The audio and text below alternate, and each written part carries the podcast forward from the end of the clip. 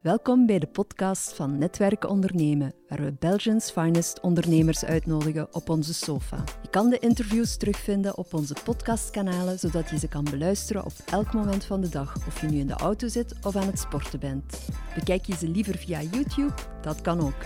We've got you covered. Welkom bij een nieuwe Sofa Talk van Netwerk Ondernemen. Vandaag verwelkomen wij Rudy, Rudy Lefevre van Wellopet en Wim Seinhaven van More. Welkom heren. Uh, fijn uh, om hier op onze sofa aanwezig te zijn. Uh, Rudy, ik ga jullie heel kort voorstellen als dat goed is. Rudy, jij bent de founder van Wellopet. Wellopet is een dierenzorgcentrum voor honden en katten, waar zowel dierenartsen, trimmers, gedragstherapeuten, eigenlijk alles aanwezig is voor de dierenzorg. En jullie willen vooral inzetten op uh, een allesomvattende begeleiding en vooral ook preventief, als ik het goed begrepen heb. Ja, klopt helemaal. Jullie zijn ondertussen actief op twee locaties, uh, Merelbeke en Locristi. En een derde gaat, uh, einde, gaat later opengaan in Kortrijk. Ja eind het jaar. En um, jullie zijn uh, 24 uur, 7 dagen op 7 bereikbaar. Ja. Mooi. Um, Wim, jij bent uh, managing partner bij More. Je staat in voor de FAS. Ja, Finance as a Service, klopt. Ja. Voilà. Bij More Belgium. Uh, More is eigenlijk de grootste onafhankelijke accounting en consulting ja. company in België. Klopt, ja. En jullie helpen ondernemers hun dromen waarmaken. Ja, zo zeg je het helemaal goed. Ja. Oké, okay, perfect. Nee, um, Fijn dat jullie hier aanwezig zijn. Nu, jullie zijn natuurlijk geen onbekenden voor elkaar. Uh, Wim is twee jaar mentor geweest van Rudy. En uh, jullie kennen heel wat uh, van elkaar. Toen ik jullie uitnodigde voor een gesprek op de sofa, en over wat we het zouden hebben, gaf Wim meteen aan van ik zou het graag over schalen zonder falen hebben. Wim, vertel eens waarom dit onderwerp en, en vooral ook wat betekent falen voor jou ja. eigenlijk? Ja, schalen zonder falen. Uh, falen is een heel sterk woord. Falen mag je niet in de meest uh, extreme uh, betekenis gaan interpreteren. Falen is eigenlijk, betekent dat je als ondernemer met een groeiplan, dat je altijd bochten in de weg tegenkomt. En die bochten in de weg zijn leermomenten. Leermomenten dat je zegt, tja, ik had die hobbel of die bocht niet zien komen. hier staat iets voor mij, ik, ik ga mij moeten aanpassen. Ehm, maar dat aanpassen brengt een ganse levenservaring met zich mee die handig kan zijn om in de toekomst in het bedrijf ook, ook te gaan gebruiken. Die kennis en die informatie van waarom is dit gebeurd, um, is, is heel inzetbaar. En ik denk dat dat voor elke ondernemer, en Rudy kan, zal daar straks ook wel iets over uh, vertellen, maar voor elke ondernemer, iedereen komt dat tegen. In een groeiverhaal, je maakt een plan, maar dat plan, na, na een week, na twee maanden, na zes maanden, moet je toch opnieuw gaan starten. Want er zijn factoren, externe factoren, waar je geen vat op hebt, maar waar je als ondernemer toch op moeten uh, aanpassen. En dat is een belangrijk. En voor mij is dat het, uh, het falen aspect. Hè. Dus het leren van zaken die je meemaakt. Ja. Oké, mooi. Uh, Rudy, eventjes naar jou. Uh, als ik goed voor heb, ben jij in 2016 gestart. Uh, vanuit de corporate wereld echt wel een, een serieuze gouden kooi verlaten. En met heel veel ambitie gestart aan Welloped. Um, als, we, als we kijken naar schalen, was het vanaf dag één duidelijk wat, wat het plan was. Waar, wat was het schalen op, op dat moment voor jou? Ja. Uh, van dag één was uh, schalen een onderdeel. Ja, we zijn het bedrijf gestart met uh, drie founders. Hè. En toen hadden wij wel door van we willen echt wel impact hebben in de wereld waarin dat wij ons bewegen, zowel aan de consumentenkant, maar ook aan, op de kant waar professionals werken. Dus ook naar werkplek en omkadering. Dus dat effect dat zat er van dag één wel in van we willen dat naar iets, iets brengen. Um, maar op die een dag zijn wij niet alleen hobbels tegengekomen, maar ook uh, kruispunten die ons ook uh, volledig van, van richting doen veranderen hebben, ja. die we op die moment onmogelijk uh, konden zien. toen dat we gestart zijn, waren we ook heel uniek in wat dat we deden, waardoor dat we eigenlijk ook nauwelijks een benchmark hadden of nauwelijks een, een voorbeeld hadden. Dus, dus het was geen wit blad papier, maar het was toch heel veel onbekende. Ja. En was de timing dan onmiddellijk goed op dat moment? Want als je zegt heel uniek, dat is vaak niet zo evident om dan ja. daarmee te starten. Ja. Time will tell. Hè. Uh, minstens is een van de ervaringen die we opdoen, dat is dat we ja, een behoorlijke leercurve doormaken. En op het ene moment denk ik, die leercurve die geeft ons een geweldige voorsprong. Want laten anderen die curve ook maar een keer doormaken. Maar ter, terzelfde tijd is het ook een risico natuurlijk. Hè. Als je een leercurve hebt die wat te lang is, kan iemand anders misschien uh, u imiteren met een kortere leercurve. Ja, dus het is een beetje dubbel. Absoluut. Nu, er zijn altijd een aantal factoren die meespelen, bepalend zijn of je succesvol gaat worden of, of gaat falen. Um, Bill Gross bijvoorbeeld, die, die schuift vijf factoren naar voren. Enerzijds het idee, je had een duidelijk idee, een duidelijk concept timing uh, zat daar ook bij. Mm, ik zou graag willen inzoomen met jullie eigenlijk op een aantal, op de drie andere factoren. En dat is enerzijds het businessmodel, uh, de funding en ook het, uh, het team. Dat zijn eigenlijk drie belangrijke componenten die bepalend zijn of je succesvol gaat worden of kan falen. Heel eventjes naar het businessmodel. Als je kijkt toen jullie startten met, uh, met Welloped, businessmodel, was dat vanaf dag één heel scherp en duidelijk. Wist je onmiddellijk van daar gaan we voor, dat gaan we doen. Hoe zat dat bij jullie? Ja, um, aan de ene kant ja van was de stip op de horizon, hè, van waar willen we eigenlijk naartoe. Hè. Het moet iets zijn dat allesomvattend is, het moet ontzorgend zijn, het moet zeer laagdrempelig zijn, hè, het moet zeer gepersonaliseerd zijn. Maar de blokken, hoe dat je dat huisje, de stenen, de ramen, de deuren, daar kan ik wel van zeggen, ik denk als we dat businessplan hier nu terug boven zouden halen, uh, in, in de positieve en in de negatieve zin, uh, concrete voorbeelden, bepaalde omzetverwachtingen die zijn veel hoger in bepaalde segmenten. Maar andere zaken, bijvoorbeeld uh, productverkoop, is, uh, is, ja, is, is maar een schim van wat we ooit in een eerste businessmodel mee uh, opgenomen hadden. Hè. Ook het zoeken naar medewerkers, al of niet in loondienst, al of niet zelfstandig. Het zijn dingen die we in ons eerste businessplan helemaal anders uitgedacht hadden dan dat het nu in de werkelijkheid uh, gebeurt. Mm. Ja, en uh, was het onmiddellijk duidelijk van um, jullie combineren vandaag fysieke winkels met online? Was dat vanaf dag één het, de, de bedoeling? Ja, ik denk het wel. wel. Als je in het businessmodel echt naar de value proposition kijkt, van, van wat is eigenlijk de reden dat je dit doet, welke waarde wilde geven, ik denk dat dat een van de dingen is die het meest duidelijk was en die we tot op vandaag denk ik nog altijd goed bewaken maar met andere instrumenten of, of met andere bouwstenen proberen te verwezenlijken. Maar die stip op de horizon die was er in het begin echt wel. Ja. ja. Dat, is het, dat is het existentiële, de, de why-vraag van waar Rudy op beantwoordt, van waarom zijn we in business, hè, wat zijn we aan het doen. De why is nog altijd duidelijk, denk ik, voor Wellopet. Ja. Voor, voor onze business geldt dat uiteraard ook nog altijd. De manier waarop dat je iets doet, en opnieuw door die hobbels of die kruispunten waar we over spreken, ja. verandert de manier hoe je het invult wel. Maar de, de, de stip aan de horizon, uh, dat, is, dat is uiteraard waar je het voor doet um, en waar je naartoe kijkt. Dus ik denk dat dat een, een belangrijk aspect is in, uh, in wat Rudy vertelt. En dat herken ik zeer, zeer duidelijk ook. Ja, want het is niet zo makkelijk, denk ik, vanaf dag één een duidelijke product market fit te hebben en, en te weten van zo gaan we het doen en, en die weg ook te volgen.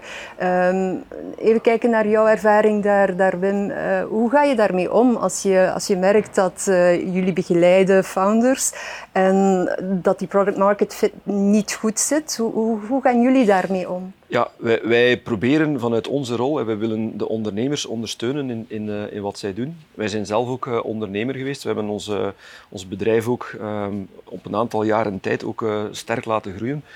Ook wij hebben die zaken meegemaakt. Wij proberen altijd de goede vragen te stellen, te challengen, uit te dagen om te zien, worden alle reflexen uh, gemaakt. En zo is ook het mentoring traject met, uh, met Rudy verlopen, die, die, uh, die twee jaar. Wij hebben nu nog altijd contact, dus wij proberen ook altijd wel eventjes te sparren met elkaar om dingen in vraag te stellen. En ik ben een totaal andere persoonlijkheid, ik heb een totaal andere métier als Rudy, maar dat is net aanvullend, omdat dat je op een andere manier naar zaken kijkt. En dat helpt en daarom is ook de kracht van het netwerk belangrijk. In, in het schalen, in het gezond schalen, is om andere opinies te weten, te leren kennen, te absorberen en er iets mee te doen. Ja. Zeker. Um, ik zou daar nog een uh, dimensie willen aan toevoegen, omdat dikwijls in um, netwerk heel functioneel gedacht wordt. Van gevraagde raad aan iemand En dan heb je drie antwoorden en je kiest het beste van de drie antwoorden. Maar volgens mij werkt het niet zo. Volgens mij werkt het dat je op die kruispunten dat je echt richting kwijt bent. En je hebt bepaalde signalen nodig die je, die je doen nadenken over waarom zou ik richting A of B kiezen. Of die je bevestigen of die u net versnellen en zelfvertrouwen geven. Om eh, inderdaad, ik hoor dat hij zo praat, ik onderschat dat, ik moet ook meer zo denken. En, en ik, ik, wil daar toch even nadruk op leggen dat het niet altijd in de hapklare brokken ligt. Het ligt voornamelijk in het, mm. in het, in het, uh, in het schetsen en in het, in het vormen van uw idee en het gevoel, de zelfzekerheid ja. of de onzekerheid die je daarbij hebt. Um, van mensen in uw directe buurt, maar ook van mensen die je toevallig ontmoet, maar die iets vertellen en die u echt raakt, waardoor dat je zegt van, allee, dat is raar, die antwoordt daar zo op, of die is met dat bezig, waarom zou hij dat doen? En daar heb je geen hapklaar antwoord, maar het zet u wel op weg voor, voor, voor de volgende kilometer op de teller. Ja, en dat zijn, zijn dat ook punten die aan bod kwamen in de mentoring dan, in de één-op-één mentoring die jullie hadden? Het, het feit van ja, het pad wat hier uh, gevolgd moet worden en eventjes ja. uitzoomen, die helikopterview dan, dan innemen. Hielp jou dat om, om daar dan tijd... Ja, uh... zeker. Wel, straks zullen we het over funding hebben, dat is het meest concrete voorbeeld. Ik herinner me nog heel goed dat het eerste gesprek die we daar samen over gevoerd hebben, dat ik totaal geen clue had wat zelfs de bouwstenen van dat gesprek zouden kunnen zijn. Laat staan dat je dan zou zeggen van, ah ja, is het A of is het B, of uh, dat is de techniek, of zo gaan we dat doen, wat vinden we ervan? Ja, heel zeker. Ja, Laat ons misschien eens op die, op die funding verder inzoomen, omdat uh, ja, het, het allerbelangrijkste is voldoende financiële middelen hebben om, om te groeien. Je komt natuurlijk uit die corporate wereld. Hoe belangrijk was die ervaring daar? Want je bent in een heel ja, kapitaalsintensieve sector gestapt. Um, dus ik kan me inbeelden dat dat niet zo evident was. En wat je vaak ziet is dat uh, men te laat begint met, met, financiële middelen op te halen of te snel uh, financiële middelen ophaalt en alles verbrandt en waardoor het vertrouwen van, van de investeerders dan meer slinkt. Hoe zat dat voor jou concreet?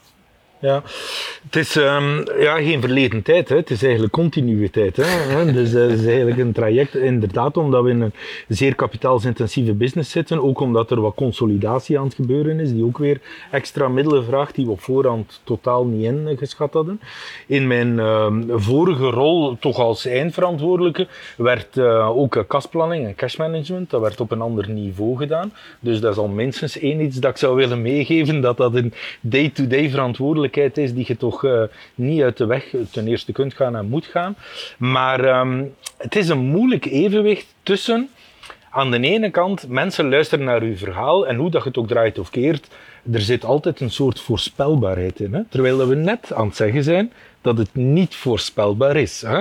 Maar het zinnetje schalen en falen, dat moet nu niet in uw pitch staan als je, als je geld wilt uh, ophalen. En toch moet je een manier vinden om mensen te overtuigen dat uw idee een potentieel kan aanboren, terwijl dat je zelf heel goed weet dat je nog heel veel stappen moet uh, overwinnen.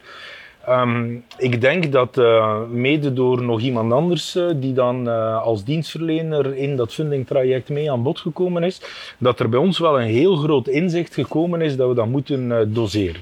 Dus dat is voor mij de belangrijkste les in funding. En doseren, wat, doseren. Wat, wat, wat, betekent dat dan? Want het is niet zo makkelijk. wij waren in gesprek met een hele grote partij en met een heel groot plan ver in de toekomst, die dan ook een heel groot bedrag zou kunnen ophalen in ruil voor een heel groot deel van het bedrijf dat daar uh, tegenover stond. En uh, andere mensen, samen met uh, Wim, en dat is een contact die we dan tezamen verder meegenomen hebben, zijn we toch tot het inzicht gekomen dat je dat in stapjes moet doen en dat je korte termijn doelen moet stellen en dat je de juiste investeerders moet aantrekken die op dat korte termijn doel de volgende stap willen financieren. Hè? En wat heeft dan gemaakt dat je inderdaad die keuze gemaakt hebt? Want natuurlijk, de ambitie was groot, is groot. En, en dan toch niet gaan om in één keer eh, voldoende kapitaal binnen te halen en die grote stap te zetten? Ja, ik denk dat dat is wat we het daarnet over gehad hebben, dat zelfvertrouwen. Hè? Omdat uh, je begint aan dat verhaal, uh, in mijn geval ben ik daar niet zo ervaren in, in die financiële tools en zo, hè, omdat dat altijd een beetje uit mijn handen genomen geweest is in de voorbije jaren. En dan in de corporate tijd bedoel je dan? In de corporate tijd mm. bedoel ik, ja. Um, en dan denk je inderdaad van, ja maar potverdrie, als ik nu maar een beperkt deel van dat kapitaal ophaal, daar kan ik dat plan niet mee financieren. Hoe kan ik dan de volgende stap weer doen? En je hebt wel mensen nodig die u, punt 1, voorbeelden kunnen laten zien en die nu ook het zelfvertrouwen kunnen geven dat dat terug opnieuw een systematiek is. En dat die systematiek de volgende keer een andere dynamiek zal volgen dan degene die er vandaag is. Uh, dus dat is toch wel een belangrijk punt. Misschien heel eventjes, Wim, naar jou. Uh, wat is jouw ervaring in het ophalen van kapitaal? Want ja, jullie zullen het ongetwijfeld er ook over gehad hebben. Snel veel kapitaal ophalen? Of, of toch, uh, wat, is, wat is jouw ervaring ja, daarin? Ik denk, dat, ik denk dat het vaak inderdaad een, een, een kwestie is van dat zelfvertrouwen uit te stralen en het, het toch te durven uit te smeren in verschillende stapjes.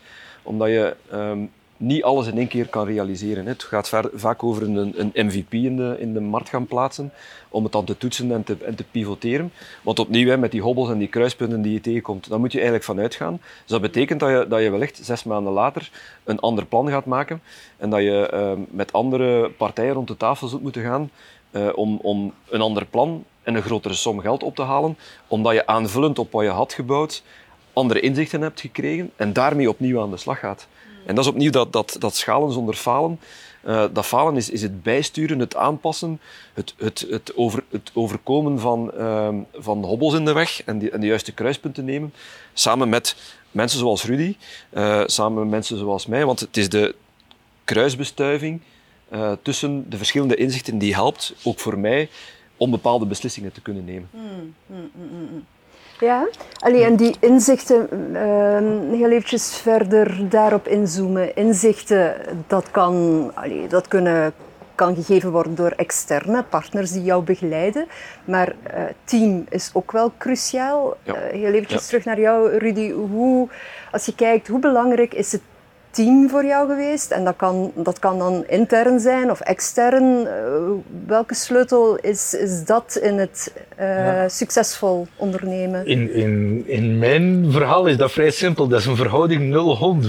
Dus, uh, Vertel, wat bedoel dus je daarmee? De, de, inzichten die, die zijn echt allemaal aan koer de route opgedaan. Die zijn echt allemaal één voor één gekomen door met mensen te praten die voorbeelden aangedragen hebben, die andere mensen uh, bijgebracht hebben, die dan weer hun voorbeelden konden uh, aandragen.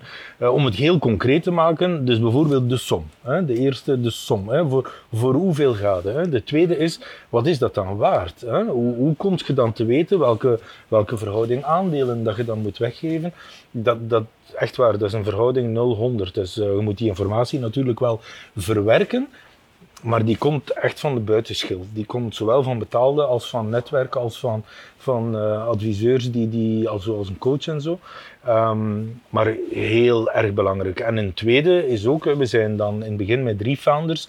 Hè, iemand is een andere weg ingeslagen. Uh, we zijn nu uh, met twee founders die operationeel werken ook dat, hè, dat zelfvertrouwen tussen die twee mensen. Hè. Je spreekt over sommen en je spreekt over verantwoordelijkheden. Hè, delen van je bedrijf afstaan, mensen mee in het bestuur toelaten.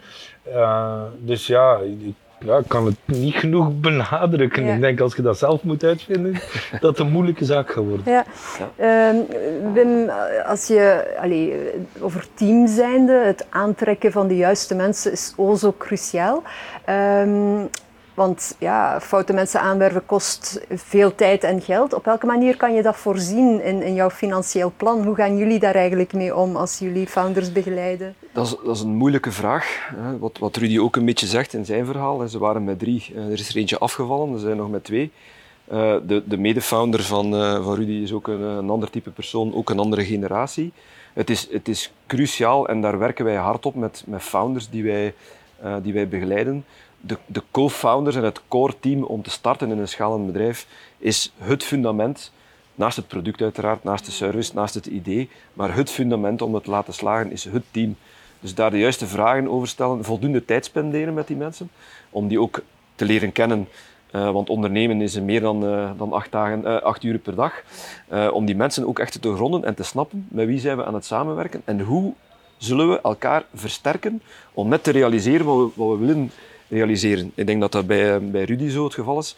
Maar eigenlijk in quasi alle gevallen zijn de mensen die met één, twee, drie, vier verschillende mensen uh, moeten gaan samenwerken, is het team smeden tot echt een geoliede machine is, is, uh, is de cruciale vraag. En daar is niet, Sabine, één passend antwoord op. Je kan alleen maar mensen helpen om de juiste vragen te stellen, om het wat tijd te geven, om ook daarin in de relatie te falen. En het falen hier kan zijn echt ook openlijk, transparant met elkaar discussiëren over problemen. Het zijn de problemen vaakst die, die uh, ervoor zorgen dat het bedrijf faalt dan echt, of dat de founders uit elkaar gaan, maar durven discussiëren tot op het bot, om goed te snappen wat is, hoe kijk jij ernaar, wat is jouw probleem, om die moeilijke momenten ook door te komen. Dat is een belangrijke tip. Dat is tegelijkertijd ook uh, de grootste uitdaging. Hè? Uh, exact het bespreekbaar maken. Um, omdat als je spreekt van een team, heb je dan een kernteam. Dus stel dat het over funding gaat, de mensen die die knoop moeten doorhakken. Hè? Waarschijnlijk de, de founders en de mensen die direct rond, uh, rondom hen staan. Hè? Dan heb je het al over belangen. Hè? Heeft iedereen dezelfde belangen? Hè? En, en zijn die belangen duidelijk? Hè? Ook hè? en de relatie tussen de mensen die u adviseren ja. is dikwijls een, een moeilijke factor. Hè? Wat zijn de belangen? Hè? Wat, wat, wat zijn het voor mij, wat zijn het voor jou, dat advies? Hè? En dan heb je nog een tweede team, als je die beslissingen allemaal neemt met een kernteam, ja, die moeten ook nog allemaal gedragen worden. Die moeten dan ook nog allemaal op een of andere manier hè, een, een, realiteit uh, krijgen. En ook daar, in ons geval bijvoorbeeld nu, het is bijna symbolisch, morgen hebben wij een eerste keer dat wij heel de activiteit sluiten, om met alle mensen tezamen echt een keer terug te gaan naar waarom doen we dat eigenlijk? Ja, ja. En de grootste moeilijkheid, dat is dat je dingen die je met elkaar bespreekt, niet mocht zien als een oordeel, maar als gewoon een grondstof voor, een, voor een nieuw gesprek of als een grondstof voor een nieuw idee. En dat is nu, hè, de, de, de mensen van in het begin zijn er quasi nog allemaal bij. Dus er zijn mensen bij die al vijf jaar met ons samenwerken en dat je toch voelt van hoe maak je dingen bespreekbaar zonder dat je een oordeel uitspreekt van ik vind dat niet goed of, of je hebt dat niet goed gedaan. Maar dat je dat puur doet met de intentie van hoe komen we te weten wat eigenlijk de best volgende stap zou zijn, gegeven dat we het allemaal eens zijn over wat we willen bereiken. Ja, ja. Dus die openheid en transparantie zijn echt ook wel een belangrijk onderdeel van jullie bedrijfscultuur. Maar is niet zo moeilijk. Nee. Ja. Ja, maar wel cruciaal. Ja, absoluut. Ja, heren, als ik, als ik jullie nu samenvattend zou vragen, eh, schalen zonder falen, is dat mogelijk? Rudy, wat, uh, In de definitie zoals dat Wim het ingeleid heeft, hè, van, van kunt je schalen met voorspelbare stukken, dan denk ik dat dat niet mogelijk is. Maar kunt je lukken in hetgeen wat je wilt bereiken? Absoluut. Mooi. Ja. jouw insteek? Ja, ik sluit me daar volledig, volledig op aan. Um, de, de, de, de, cruciale facetten zijn, zijn aan bod gekomen. Uh, maar je moet weten dat een plan met een rechte lijn naar een bepaald doel bestaat gewoon niet. Het is de manier hoe je met die bochten en kruispunten, vind ik een goede, goede beeld, Rudy, hoe je daarmee omgaat en je daar laat omringen en je laat inspireren om dan uiteindelijk een gefundeerde beslissing te nemen die het, die het pad zal maken van, uh, van de groei. -hmm. Mooi, heel mooi. Daar zou ik graag mee willen eindigen. Um, Dank u, Rudy. Dank u, Wim, voor uh, jullie ervaring en inzichten te delen. Hebben jullie interesse in andere ondernemersverhalen? Dan abonneer je zeker op uh, ons YouTube of podcastkanaal. En dan zie ik jullie heel graag terug op een volgende Sofa Talk bij Netwerk Ondernemen. En graag tot de volgende.